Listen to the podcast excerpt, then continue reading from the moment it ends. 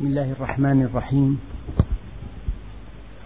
الحمد لله رب العالمين والصلاة والسلام على سيدنا محمد الصادق الوعد الأمين. اللهم لا علم لنا إلا ما علمتنا إنك أنت العليم الحكيم. اللهم علمنا ما ينفعنا وانفعنا بما علمتنا وزدنا علما. وأرنا الحق حقا وارزقنا اتباعه. وأرنا الباطل باطلا وارزقنا اجتنابه. واجعلنا ممن يستمعون القول فيتبعون أحسنه. وأدخلنا برحمتك في عبادك الصالحين.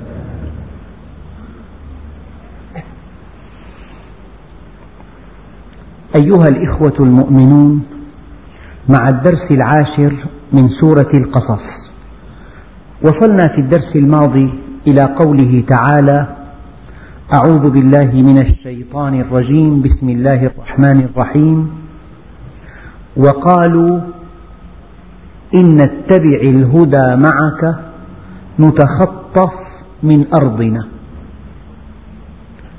أولم نمكن لهم حرما آمنا يجبى إليه ثمرات كل شيء رزقا من لدنا ولكن أكثرهم لا يعلمون. أيها الإخوة الأكارم، هذه الآية غنية جدا، غنية جدا.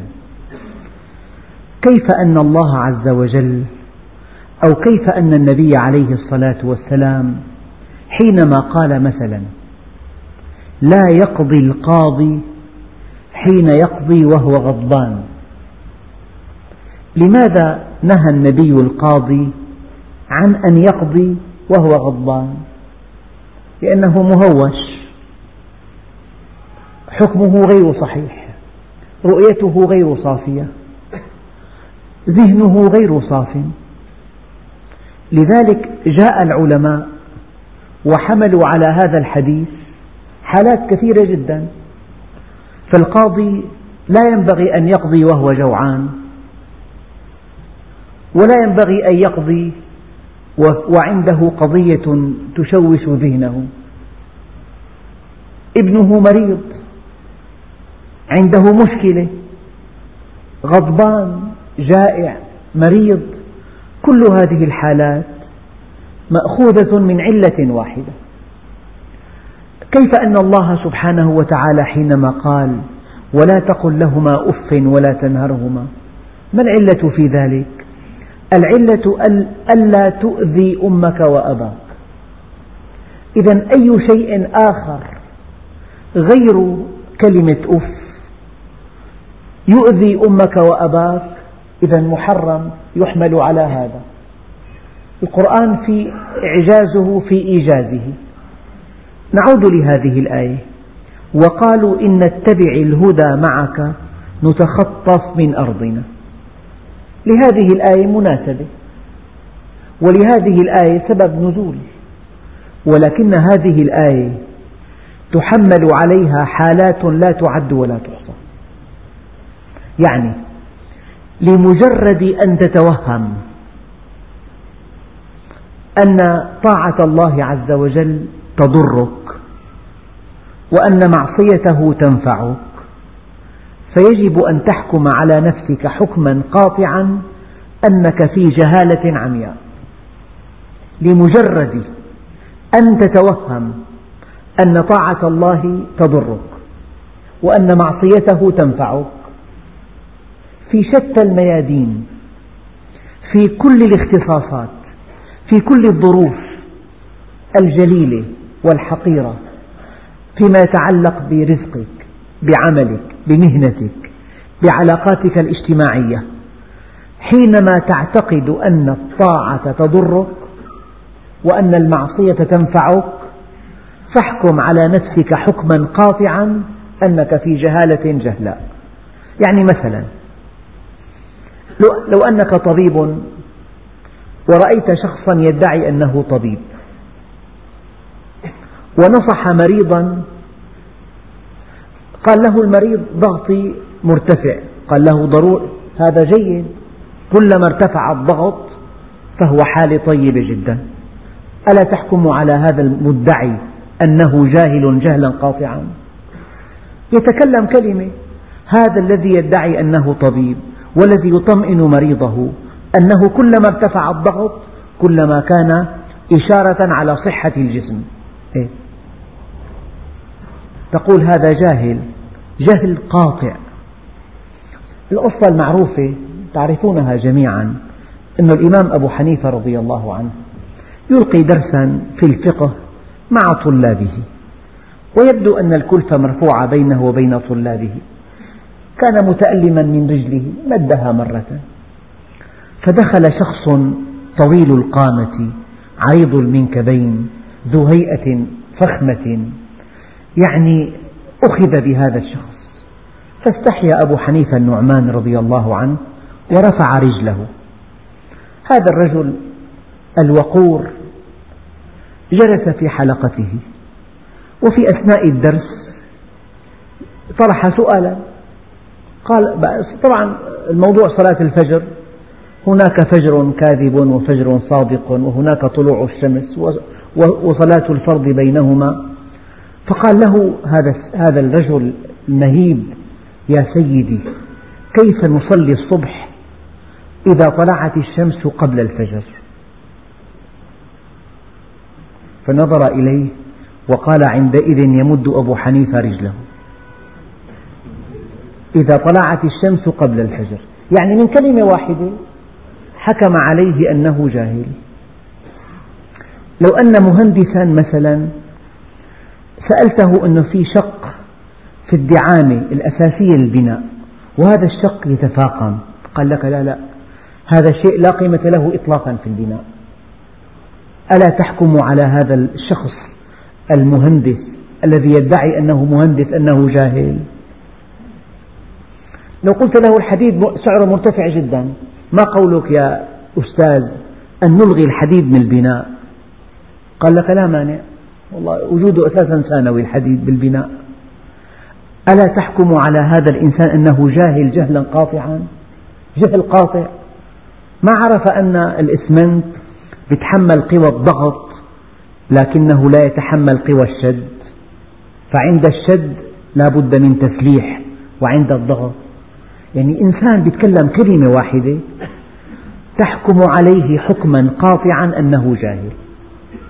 لو إنسان قال لك أنا مختص باللغة العربية قلت له أعرب جاء المعلمون قال المعلمون فاعل منصوب. شو منصوب؟ المعلمون شوف المعلمون فاعل منصوب. ألا تحكم على هذا الإنسان أنه جاهل؟ دون مستوى الكفاءة حتى دون مستوى الابتدائية.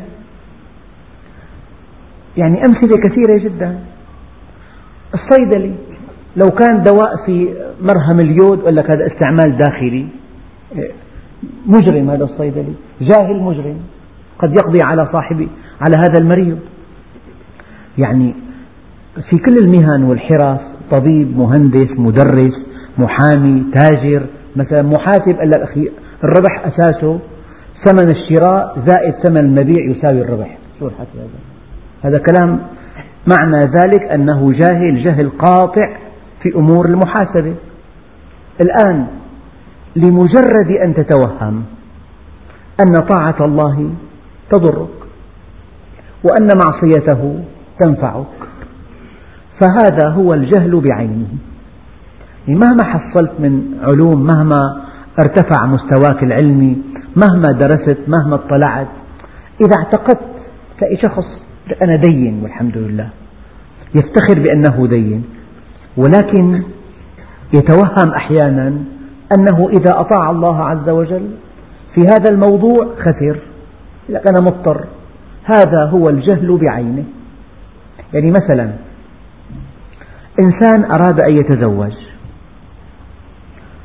النبي عليه الصلاة والسلام يقول من تزوج المرأة لجمالها أذله الله ومن تزوجها لمالها أسخره الله. ومن تزوجها لحسبها أذله الله. فعليك بذات الدين تربت يداك.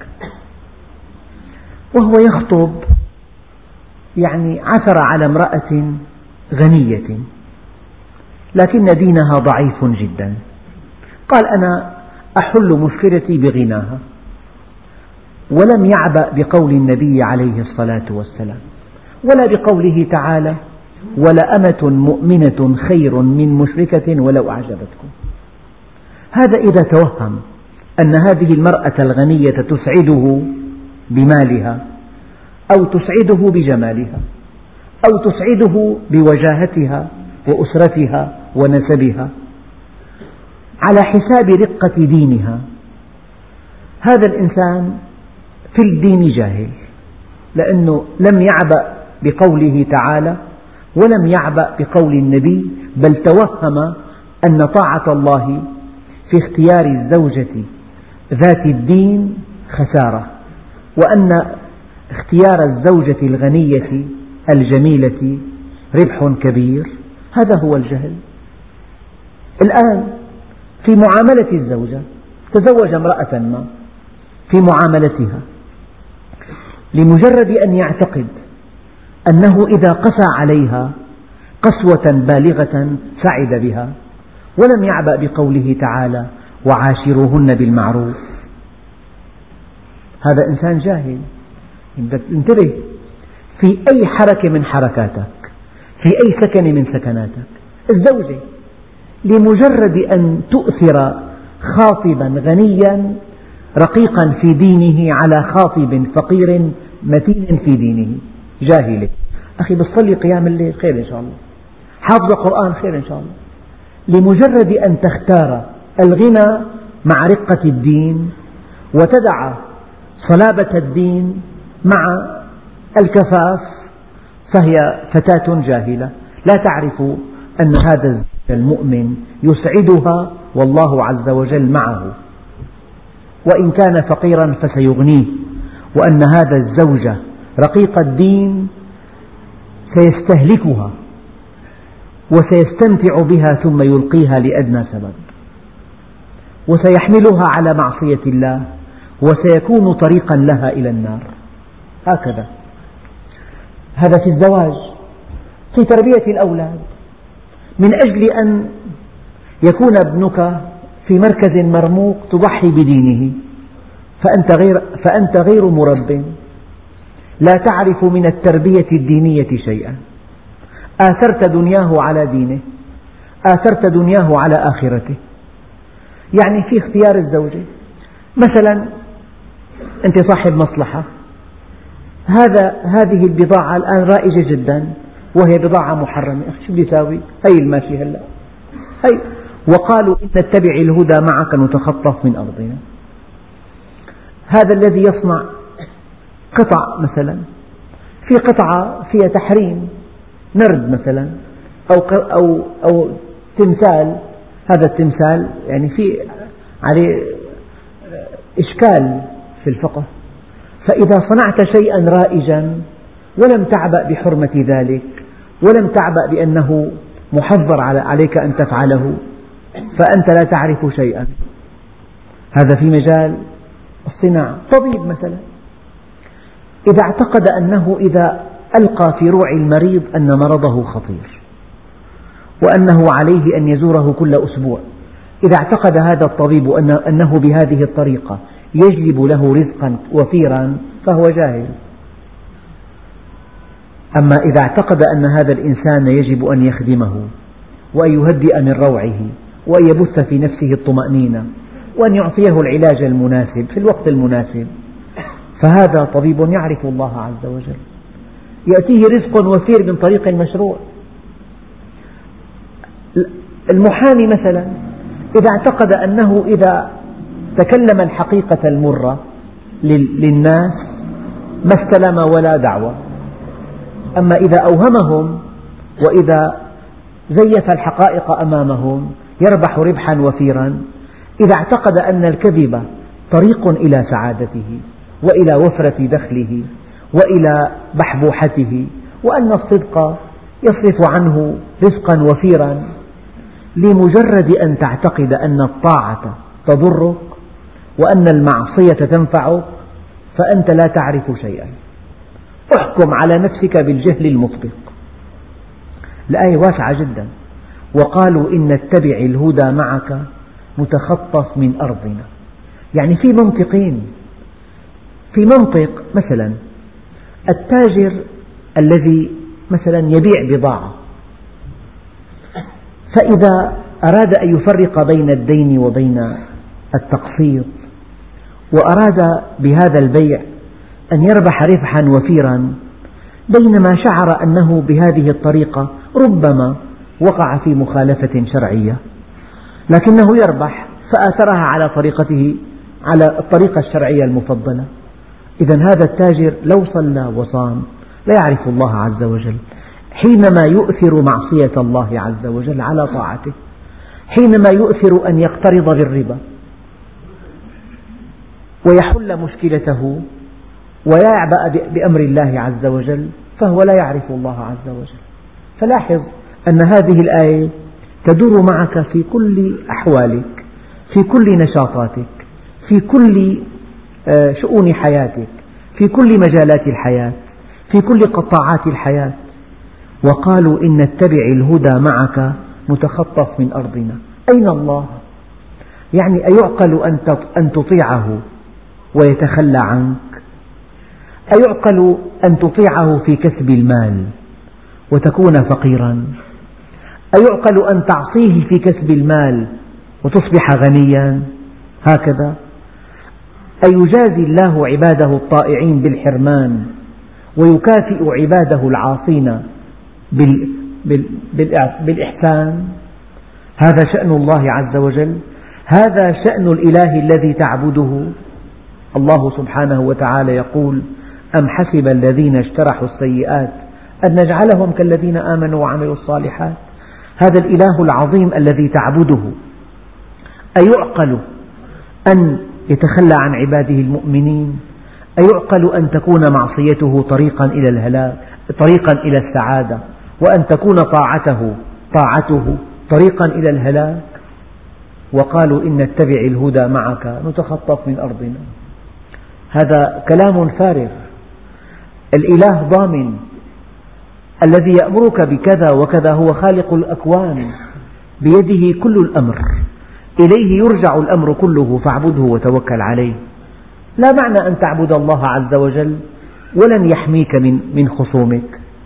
لا معنى أن تعبد الله عز وجل وأن ترى في عبادته خسرانا مبينا. إذا هذه الآية الكريمة وقالوا إن نتبع الهدى معك نتخطف من أرضنا. يعني أي إنسان قال لك شو بدي أساوي هيك السوق بده. أو هيك ظروفنا صعبة أو في عندي أنا أطفال كثيرون. أنا مضطر لكسب هذا المال بهذه الطريقة.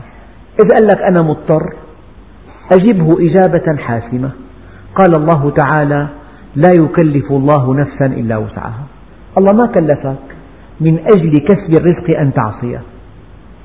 ما كلفك من أجل أن تطلب ما أنت بحاجة إليه أن تقع في في مخالفة لأمره. يعني في الزواج في معاملة الزوج في اختيار الزوج في اختيار الزوجة في معاملة الزوجة في تربية الأولاد في المهن. يعني أنا هذا الصانع. إذا علمته هذه الحرفة ربما نافسني. إذا يجب أن أبقيه جاهلا. وقد جاء به أبوه إليك وهو صديقك. من أجل أن تعلمه هذه الحرفة فأنت إن تطع الله عز وجل وتكون معه مخلصا وتعلمه هذه الحرفة تقع في خسارة كبيرة. إذا لا بد من أن تعصي الله وتخون صديقك وتدع هذا الطفل الذي أخرجه من المدرسة ووضعه عندك جاهلا في هذه الحرفة إلا أنك تستغله في خدماتك الشخصية. لن تفلح. لن تفلح أبدا إذا فعلت هذا. كل واحد بحسب حرفته بحسب اختصاصه بحسب مهنته بحسب عمله. يعني يعلم كيف تكون الطاعة لله عز وجل وكيف تكون المعصية. دائما بمنطق الناس بمنطق الحياة في مقاييس. وفي منطق الإيمان في مقاييس أخرى. يجوز أنت بمنطق الحياة كلما خفضت أجر هؤلاء العمال كلما ازداد ربحك. هذا كلام رياضي. كلما قلت النفقات ازداد الربح. أما إذا أعطيتهم رواتب معقولة ورفعت من مستواهم المعاشي بدافع من إخلاصك لله عز وجل وحبك لعباد الله الله سبحانه وتعالى في منطق الإيمان يجري الأمور على نحو خاص بحيث تزداد أرباحك عما هي عليه قبل أن ترفع رواتبهم. المشكلة أنه صاحب المتجر وصاحب المعمل والموظف والطبيب والمحامي والمهندس والمدرس المدرس إذا ألقى في روع الطلاب أنهم ضعفاء جدا وأعطاهم علامات متدنية جدا. لعلهم يأتونه ليأخذوا دروسا خاصة فيربح. هذا منطق الناس. أما إذا أنصف الطالب الذي بذل جهدا كبيرا وله أب ظالم أعطاه علامته المستحقة وهو لا يرجو إلا أن يرضي الله عز وجل. لعل الله عز وجل يجري الأمور على نحو آخر فيأتيه دخل مشروع من طريقة مشروعة. فدائما حينما يزداد إيمانك تصلح قراراتك. كلما ارتفع مستوى الإيمان أصبحت موفقا في اتخاذ القرار. لأنك تتخذ القرار في ضوء قواعد الدين لا في ضوء قواعد الدنيا. أيها الإخوة الأكارم آية يعني يجب أن نطبقها في كل شؤون حياتنا. يجب أن تعتقد أن ما عند الله لا ينال بمعصية الله. يجب أن تعتقد أنه من ابتغى أمرا بمعصية كان أبعد مما رجا وأقرب مما اتقى. يعني إذا كذبت على هذا الإنسان أربح منه أرباحا طائلة. فإذا صدقت النبي عليه الصلاة والسلام يقول كفى بها خيانة خيانة أن تحدث أخاك بحديث هو لك به مصدق وأنت له به كاذب. هي خيانة كبيرة جدا. يعني أتمنى على كل أخ كريم في مهنته وفي بيته وفي كل علاقاته الاجتماعية أن يضع هذه الآية نصب عينيه. إن نتبع الهدى معك نتخطف من أرضنا يعني إذا كان بدي أجعل السهرة غير مختلطة بتكلف. هيك ضيافة واحدة ماشي الحال. يعني أنت آثرت توفر شيء بالضيافة آثرت ذلك على طاعة الله عز وجل. وإذا ما قعدت مع أخوات زوجتي بعدين تزعل زوجتي. وإذا زعلت بتعذبني لا بدي أرضيها. والزوجة إذا ما طاعت زوجها في معصية الله بطلقها هذا الجهل بعينه. لا طاعة لمخلوق في معصية الخالق. افعل ما بدا لك. آت يا بني إما أن تكفر بمحمد وإما أن أدع الطعام حتى أموت. أم سيدنا سعد. قال يا أمي لو أن لك مئة نفس فخرجت واحدة واحدة ما كفرت بمحمد فكلي إن شئت أو لا تأكلي. يعني المؤمن رجل مبدأ في عنده مسلمات في حياته مستعد أن يضحي بالغالي والرخيص والنفس والنفيس من أجل مبدئه. مساومات ما في. رجال المبادئ ما عندهم مساومات. ما له راعينا ماشي الحال. هات بالناقص مية كمان راعينا. ما في مراعاة بالدين. هذا شرع الله عز وجل. يعني تصور أنه مهندس متفوق في عمله. إجا شخص قال له بدي أعمر بناية. قال له بدك خمسة طن حديد. وهي الأقطار 12 ميلي كذا و6 ميلي و8 ميلي قال له يا أخي دبسات امرأة بلا الحديد الله يخليك. أو بالناقص طون بالناقص طونين. هذا كلام فارغ. هون ما في مساومة. هي قواعد هندسية. البناء لا يبقى متماسكا إلا بهذا بهذه الأطنان من الحديد وبهذه الأقطار وبهذا التوزيع. ما في مجاملات هون. بطن مفتوح. والطبيب يجري عملية دقيقة. ترجاه يسكر البطن تنتهي العملية. دائما قواعد الدين قواعد قطعية. ما فيها مساومات. يعني واحد بيقول لك مثلا آه، هذا التيار الكهربائي في خطر الموت 6000 فولت. راسين جمجمة وعظمتين هذا ليس قيدا هذا. أخي والله عم يقيدوا حريتنا هالدولة. واحد حد يطلع على على العمود يمسك ممنوع قال لك مو تقييد حرية هي. هي ضمان لسلامتك. قضايا قطعية هي. شيء ثابت. ما في مساومات. أخي إذا كان ما حدا شايفنا نطلع ما حدا شايفك. التيار لحاله بيعاقبك لو ما حدا شايفك. وقالوا إن نتبع الهدى معك نتخطف من أرضنا. الله عز وجل جعل الطاعات. جعل جعل الطاعات أسباب لسعادتك. وجعل المعاصي أسباب للشقاء. فكل طاعة فيها بذور نتائجها. يعني في علاقة علمية بين الطاعة ونتائجها وفي علاقة علمية بين المعصية ونتائجها.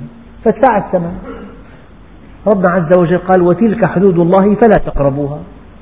وفي آية فلا تعتدوها. ويجب أن تعلم أن كل شيء أمره الله أمرك الله به لمصلحتك فإذا أحببت نفسك فإذا كنت مسرفا في حب ذاتك. إذا كنت كما فطرك الله عز وجل مفطورا على حب وجودك وعلى سلامة وجودك وعلى كمال وجودك وعلى استمرار وجودك فعليك أن تطيع الله عز وجل. هذه الأشياء الفطرية لن تتوفر إلا في طاعة الله. في طاعة الله الله عز وجل يحفظك من كل مكروه. ويطمئنك ويكرمك وتشعر وأنت مؤمن على طاعة الله عز وجل أن الموت مرحلة إلى حياة أبدية أشد سعادة من هذه الحياة. هذا الحال وحده يكفي أن تسعد. فلذلك يعني الإنسان يمتحن نفسه لا يتوهم حاله مؤمن إيمان كامل. أخي أنا الحمد لله مؤمن صلي. سيدنا عمر قال من شاء صام ومن شاء صلى ولكنها الاستقامة.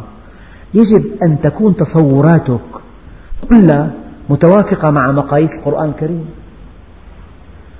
لذلك الناس ما الذي أهلكهم؟ أنهم جعلوا الدين صوما وصلاة وحجا وزكاة فقط. وما سوى ذلك؟ واقعون في شرك وفي توهم وفي اعتقاد أن المعصية بتضر أخي حلها برمي بيقول لك حلها برمي. كثير متزمت أنت. ما في تزمت هون.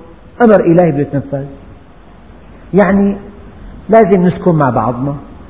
هيك بد هيك بدها ماما تغضب علي بعدين. والأمر الإلهي هذا الشرع شو بتساوي فيه؟ أيهما أهم غضب الله أم غضب أمك؟ بشعر أنه إذا كان عصى الله عز وجل وطاع أمه برتاح لك ارتاحت ابني. تعمل موازنات. الله عز وجل قال وقضى ربك ألا تعبدوا إلا إياه وبالوالدين إحسانا. الله سبحانه وتعالى له الطاعة وله العبادة. أما الوالدان لهما الإحسان والطاعة والعبادة شيء والإحسان شيء آخر.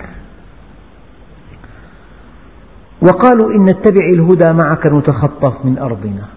يعني القرآن الكريم في, في إعجاز. يعني التخطف من الأرض يعني إما أن ينصرف الناس عنا فنفتقر وإما أن نحارب فنموت. والحقيقة الإنسان في الحياة حريص على شيئين على وجوده وعلى رزقه. الإنسان أحرص شيء يحرص عليه وجوده ورزقه وجوده ورزقه. والنبي عليه الصلاة والسلام قال كلمة الحق لا تقطع رزقا ولا تقرب أجلا. يجب أن تعتقد رزقك مضمون وأن عمرك لا يزيد ولا ينقص. إذا اعتقدت هذا كانت لك مواقف جريئة وكانت لك مواقف مشرفة. أما الخوف الشديد من نقصان الرزق والخوف الشديد من انتهاء العمر قبل أوانه هو أحد أكبر أسباب المعاصي.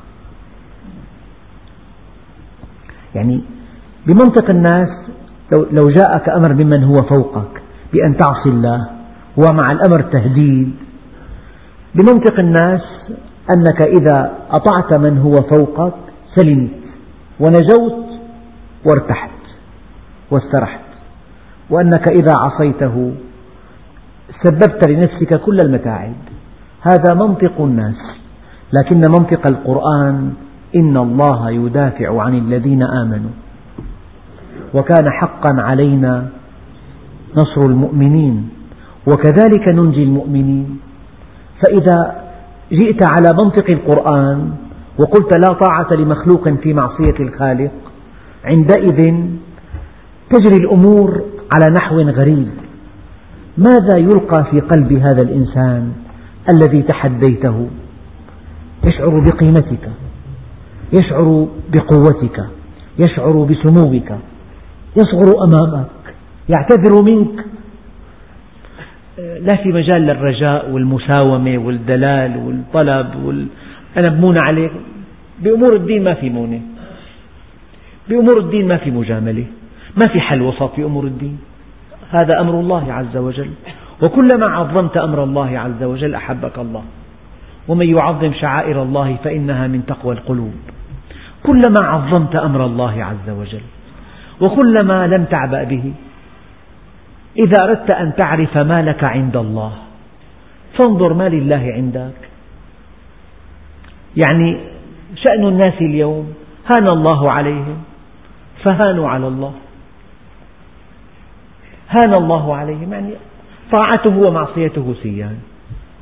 كسب المال الحلال كالحرام. لك لا تدقق.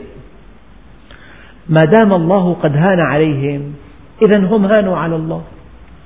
يعني يسوق الله لهم من الشدائد ما لا يطيقون.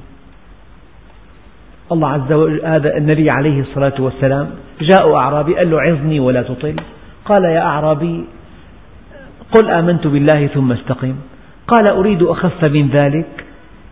قال إذا فاستعد للبلاء. الآن. يعني أنا أتمنى من كل أعماقي أن كل أخ حاضر معنا بكل حركة من حركاته يلاحظ مقاييسه. يعني إذا طاع الله عز وجل بيخسر. أخي أنا لازم هذا مطعم. مطعم درجة أولى. إذا كان ما نبيع فيه خمر ما بنربح. شو بدنا نساوي؟ مضطرين. جاهل. صفر. إيمانك صفر. إذا كنت تعتقد أن الربح يأتي من معصية الله فأنت لا تعرف في الدين شيئا. قيسوا أشياء كثيرة جدا. أيام بغش الإنسان. يعني كيلو مثلا في بعض المواد الغذائية سعرها مرتفع إذا غشيتها. والله حكوا لي أشخاص يحطوا مع الطحينة سبيداج تبيض بيزداد لرتين سعرها.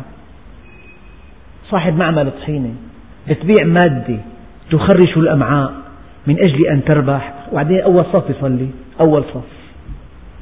هذا جاهل عند الله عز وجل. هذا ليس دينا إطلاقا. إذا أنت عم تعطي المسلمين مادة غذائية تؤذيهم ليزداد ربحك.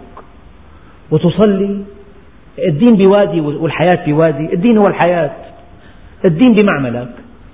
الدين في بيتك. الدين في متجرك. الدين في وظيفتك. الدين في عيادتك. الدين في مكتب المحاماة تبعك. هون الدين. ليس الدين في المسجد. المسجد هي عبادة شعائرية. هي من أجل تقويم العبادة التعاملية. يعني المسجد الصلاة الصوم الحج ثلاث ساعات امتحان. لو فرضنا طالب جاء على هذه الساعات الثلاث وقد ارتدى أجمل ثيابه. شيء جميل. جاء بشطيرة لعله يجوع. أربعة أقلام احتياط. حبات أسبرين لعل لعله يتألم من رأسه. آه، ماء بارد. لكنه لم يدرس إطلاقا. ما نفع هذه الأقلام الأربعة وهذه الحبات الأسبرين وهذه الشطيرة وهذه الثياب الجديدة؟ شيء مضحك. هذه الساعات الثلاثة أساس الدراسة. أساس عام دراسي بأكمله. فكلما كان هناك جهد كبير في أثناء العام الدراسي كانت هذه الساعات الثلاثة مجدية ونافعة. هذا هي المشكلة. حينما فهم المسلمون أن الدين أن تصلي وأن الدين أن تصوم رمضان مع الناس يا أخي رمضان رمضان هذا. وأن الدين أن تحج البيت وانتهى الأمر. هذا هو الدين. لا تدقق. الدين يسر يا أخي. يفعل ما يشاء يكذب كما يريد. يأكل مال كما يشتهي ينفق كما يريد علاقاته كلها غير صحيحة اجتماعية يعطي نفسه ما تشتهي. هذا الفهم للدين فهم سقيم. هذا الفهم للدين جعلنا في مؤخرة الأمم. هذا الفهم للدين جعل للكافرين علينا سبيلا. ولن يجعل الله للكافرين على المؤمنين سبيلا. أما حينما يستقيم الإنسان استقامة تامة في عمله وفي علاقاته وفي كسب ماله. عندئذ يعرف ماذا يعني الدين. الدين أخطر شيء في حياة الإنسان. وقالوا إن نتبع الهدى معك نتخطف من أرضنا. طيب قول آخر وقال الذين أشركوا لو شاء الله ما أشركنا. الواحد ينتبه لكلامه. لمجرد أن تقول أخي الله ما بده يهديني لسه الله ما شاء لسه الله ما ما ألهمني صلي لسه الله عز وجل. هيك لمجرد أن تعتقد هذا فأنت مشرك. وقال الذين أشركوا لو شاء الله ما أشركنا. ماذا قال المشركون؟ إن الإيمان بيد الله. إلى أن يشاء الله نؤمن لم يشاء لا نؤمن. نحن ما لنا علاقة. هذه عقيدة شائعة بين المسلمين. حتى الله يآذن سيدي. حتى سيدك يآذن. طيب ما تصلي؟ طيب ما تغض بصرك؟ هالعمل حرام؟ مو بيدك. الله ما أذن لسه. هذا كلام الشرك يا أخي. هذا عين الشرك. انتبه لكلامك وقال الذين أشركوا لو شاء الله ما أشركنا. بيده الأمر. هلا وقالوا إن نتبع الهدى معك نتخطف من أرضنا. هذا كلام مشركي مكة. إذا قلت قولا يشبه هذا القول فأنت مثلهم تماما. أخي إذا بدي أطيع الله عز وجل بعدين بخسر مركزي طول بالك. مثل الله مو الله عز وجل ليس في الأرض بس في السماء قاعد الله ماذا قال؟ وهو الذي في السماء إله وفي الأرض إله. وقال الله لا تتخذوا إلهين اثنين إنما هو إله واحد. أخي أنا هيك مضطر هيك لازم ساوي حتى أحافظ على مركزي. لا تنسى قول هذا التابع الجليل لأحد ولاة يزيد جاءوا توجيه خلاف الحق. فسأل التابع ماذا أفعل؟ قال إن الله يمنعك من يزيد ولكن يزيد لا يمنعك من الله. وقيس على هالقول كل شيء. ماذا, ماذا رد الله عليهم؟ أولم نمكن لهم حرما آمنا؟ يعني وأنتم في الكفر والشرك لكم حرم آمن. فإذا آمنتم بي تتخطفون من أرضكم؟ هكذا يفعل الله عز وجل. قبل المعصية كنت ببحبوحة الآن بعد التوبة تفتقر. حينما كنت مقيما على معصية الله الله عم يوفقك. ويغفر لك ويحلم عليك. فلما عرفته واستقمت على أمره لأن إذا فعلت هذا الأمر تخسر دخلك ما هذا المنطق؟ يعني وأنت مقيم في المعصية لك دخل. فإذا أطعت الله عز وجل تفتقر؟ لا. أولم نمكن لهم حرما آمنا؟ في آية أخرى ويتخطف الناس من حولهم. أولم نمكن لهم حرما آمنا يجبى إليه ثمرات كل شيء رزقا من لدنا ولكن أكثرهم لا يعلمون. لا يعلم. فأنت متى تعلم؟ تعلم إذا جاءت تصوراتك وفق ما في القرآن. متى تكون مهتديا؟ إذا كان هواك قد وافق ما جاء به النبي عليه الصلاة والسلام. ماذا قال عليه الصلاة والسلام؟ طوبى لمن وسعته السنة ولم تستهوه البدعة. يعني الشيء الذي أمر, أمر به النبي تحبه بارك الله أنت مؤمن. أما تحب البدع تحب الصرعات الجديدة تحب الملهيات تحب الأماكن غير النظيفة تحب العلاقات غير الشريفة تحب ما يخشاه الناس تحب ما هو فحشاء قل لي ما تحب أقول لك من أنت. قال عليه الصلاة والسلام لا يؤمن أحدكم حتى يكون هواه تبعا لما جئت به. التوافق هذا. يا أخوان القضية دقيقة جدا.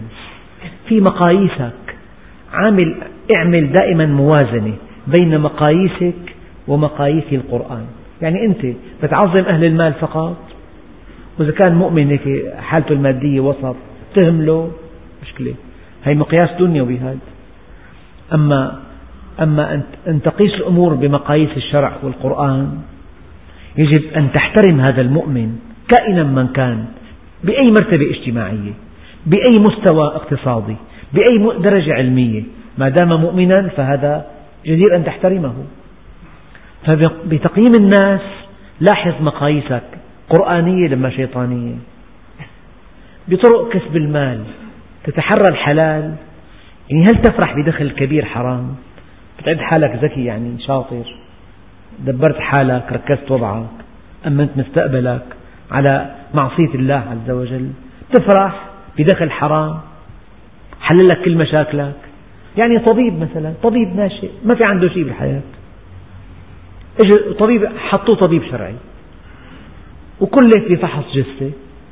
يعني إذا قال موت طبيعي أعطوه خمس ملايين. قال موت مشبوه في حادث قتل ما بياخذ شيء.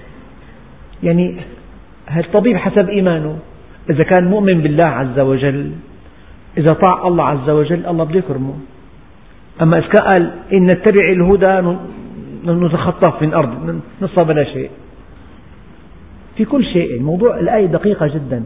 تدور مع كل الناس مع كل المهن مع كل الحرف مع كل الطبقات مع كل الوظائف مع كل العصور والأمصار والبلدان والأمكنة والأزمنة. نعم.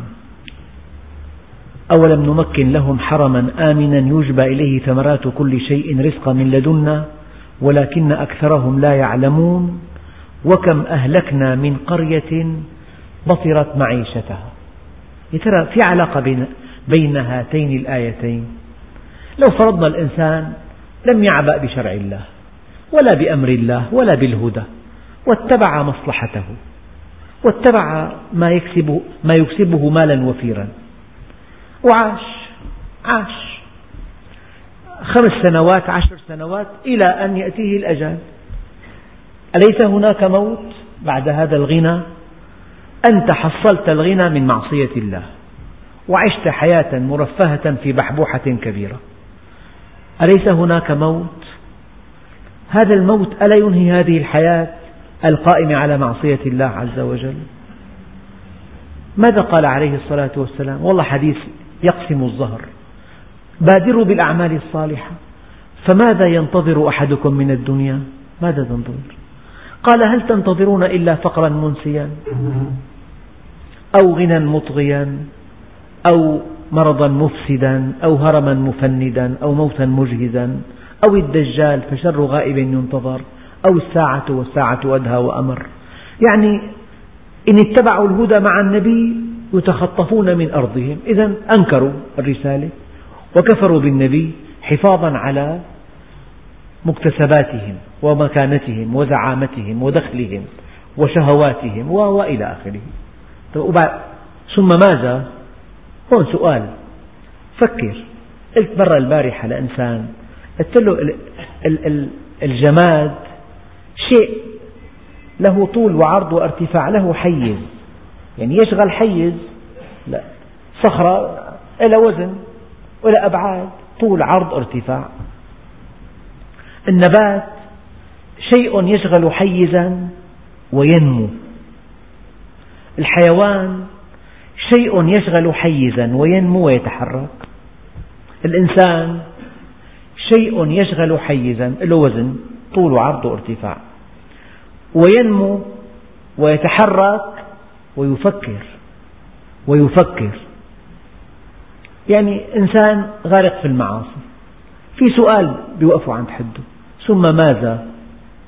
وبعد هذا شو تساوي إذا جاء ملك الموت فعلت ما فعلت أكلت ما أكلت شربت ما شربت سكنت ما سكنت ترفهت ذهبت عدت سهرت سمرت استمتعت إلى آخره. ثم ماذا؟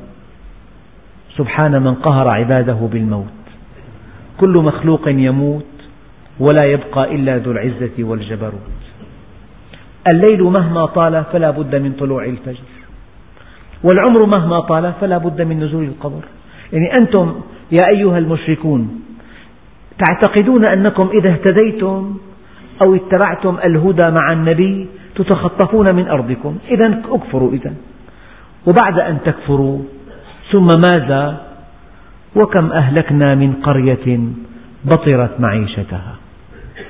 يعني لو أن الإنسان أقام على معصية الله وحصل مالا وفيرا. تمسك بالكفر ليبقى في مركزه الكبير. تمسك بالمعصية ليصبح ذا شأن كبير. وهذا الشأن الكبير إلى متى؟ إلى لا نهاية؟ لا إلى نهاية. وهذا الغنى إلى متى؟ إلى نهاية. شوف سوق من أسواق دمشق الرائجة كل خمسين سنة في طقم. المحل سلمه. أو عطاه لابنه أو ابنه سلمه أو عطاه لصهره تلاقي تجار سوق الحميدية قبل خمسين سنة غير الحاليين هلأ. وبعد خمسين سنة قادمة أو خمسة عشر غير الحاليين. يختلفوا ثم ماذا ترك الدنيا؟ ثم ماذا القبر؟ ثم ماذا الحساب؟ لو أنكم آثرتم الدنيا آثرتم المال وأبيتم الهدى الله قال وكم أهلكنا من قرية بطرت معيشتها. يعني فسدت أترفت استعلت. فتلك مساكنهم لم تسكن من بعدهم. هي في عندك آلاف الأمثلة. بجوز هلاك جماعي بالزلازل بصير بالفيضانات بالبراكين بحالات معينة. أما في بكل بلدة حالات فردية تحت سمعك وبصرك. عمر البناية ما سكن اشترى بلاطة يعني أربع شقق بالميسات مكسيين خالصين ما عجبه. كسر البلاط. كسر السيراميك. غير التمديدات غير الأبواب. هذه الكسوة الكاملة كلها خربها. فتح الحيطان. عمل الأقواس عمل أبواب جرارة عمل ستائر متحركة على الكهرباء سوى طاولات خام أونكس تحته إضاءة. سنتين ونصف وهو يكسي هذه البلاطة حتى أصبحت مثارا للعجب. شيء لا يصدق. أقسم بالله جاره بعد أن انتهت بسنتين بشهرين توفاه الله عز وجل. يا ريم تسمع يعني بيجيب معه شهادة عليا لا يمارسها. بيتزوج ما بيدخل. بيعمر بيت ما بيسكن. هي حالات يومية. وكم أهلكنا من قرية بطرت معيشتها؟ فتلك مساكنهم لم تسكن من بعدهم إلا قليلا. وكنا نحن الوارثين. البيت في النهاية مؤلك أنت لاحظ بالنعوة ارتاح. وسيشيع إلى مسواه الأخير. عال هذا الأخير باب صغير معناتها طيب والمؤقت هذا هلكانين من شأنه نحن. اللي هلكان الإنسان من أجله هذا مؤقت اعتني به ما شئت. مؤقت كبير مؤقت صغير مؤقت عالي مؤقت واطي مؤقت ملك مؤقت إجرة مؤقت مزين مؤقت غير مزين مؤقت مسوى مؤقت فتلك مساكنهم لم تسكن من بعدهم إلا قليلا وكنا نحن الوارثين. أما هذا الإهلاك ليس إهلاكا عشوائيا ولا مزاجيا ولا خبط عشواء كما يقول بعض الجهلة. قال وما كان ربك مهلك القرى حتى يبعث في أمها رسولا يتلو عليهم آياتنا وما كنا مهلكي القرى إلا وأهلها ظالمون. أنت تتألم أنه قرية أصابها زلزال قرية أصابها فيضان بركان ثار فقتل كل من في هذه البلدة. هذا هلاك لكن هذا كلام الله هذا كلام كلام خالق الكون هذا كلام الفعال الوحيد في الكون. تقول لي الزلزال مثلا. تقول أنه الزلزال حركات باطنية غير مستقرة صحيح. بس هذا التفسير العلمي لا ينفي التفسير الديني أن هذا فعل الله عز وجل. وأن الله عز وجل يقول وما كنا مهلكي القرى إلا وأهلها ظالمون والآية المعروفة لديكم قل هو القادر على أن يبعث عليكم عذابا من فوقكم من فوقكم. هذا البراكين في قرية بإيطاليا الساعة الثانية ظهرا بعد الظهر سار بركان اسمه فيزوف. هذا البركان سار وصب على قرية تقع في سفحه. هذا السائل البركاني. ثماني أمتار غمر القرية. بعد مئات السنين أثناء التنقيب في هذه المنطقة وجدوا أحجار على شكل أشخاص. حقنوها, حقنوها جبصين سائل ثم كسروا هذه المستحاثات فإذا بلدة جاءها هذا البركان وقد ماتت عن آخرها. حتى ملامح الناس حتى الأم مع طفلة حتى من في البيوت الغنية يجمعون الحلي منظر وله تحقيقات رائعة جدا. قل هو القادر على أن يبعث عليكم عذابا من فوقكم أو من تحت أرجلكم. هذه الزلازل. أفسق مدينة في المغرب العربي أغادير. ثلاث ثواني انتهت. لك سبعة ريختر. ريختر يعني زلزال مدمر. انتهى. نعم. أو يلبسكم شيعا ويذيق بعضكم بأس بعض. هذا كلام خالق الكون. أذن أبو محمد. إن شاء الله في الدرس القادم نتابع هذه الآيات. الآية اليوم وقالوا إن نتبع الهدى معك نتخطف من أرضنا. هذه آية هذه هذا الدرس. وهي الآية تقريبا الوحيدة. وهذه الآية واسعة جدا غنية جدا. طبعا النص محدود. أما العلة واسعة. علتها إذا توهمت أن معصية الله تنفعك وأن طاعته تضرك فهذا منتهى الجهل ومنتهى ضعف اليقين وضعف الإيمان. فإذا الإنسان هكذا يفهم فعليه أن يجتهد اجتهاد كبير عليه أن يجدد إيمانه عليه أن يسعى لكي تكون مقاييسه موافقة, موافقة لمقاييس القرآن الكريم. وردني سؤال. هل نستطيع أن نحكم على كل من نرى عليه مصيبة أن هذا من ذنب فعله؟ هذا الحكم خاطئ لأن المصائب أنواع منوعة. هناك مصائب القصم وهناك مصائب الردع وهناك مصائب الدفع وهناك مصائب الرفع وهناك مصائب الكشف. كل مؤمن له مصيبة خاصة به. قد يكون مؤمن مستقيم على أمر الله لكن ربنا عز وجل يحب أن يحث الخطى إلى الله. هي دفع. قد يكون مؤمن لو جاءته مصيبة فصبر عليها يرتفع عند الله أكثر. هي مصيبة رفع. وقد يكون الكمال منطويا في نفس إنسان. لا يظهر إلا بظرف صعب. هي مصيبة كشف. في دفع. وفي رفع في كشف. هذه مصائب المؤمنين. أما مصائب غير المؤمنين إما قصم وإما ردع. فمو كل إنسان شاهدت عليه مصيبة بإمكانك أن تحكم عليه. هذا من شأن الخالق. دائما عود نفسك الأدب. لا تحكم على الأشخاص. هذا ليس من شأنك. هذا من شأن خالق الإنسان. أنت إذا رأيت إنسان مصاب تقول الحمد لله الذي عافاني مما ابتلى به كثيرا من خلقه. من دون أن تسمعه هذا الدعاء منتهى الفظاظة أن تسمعه هذا الدعاء.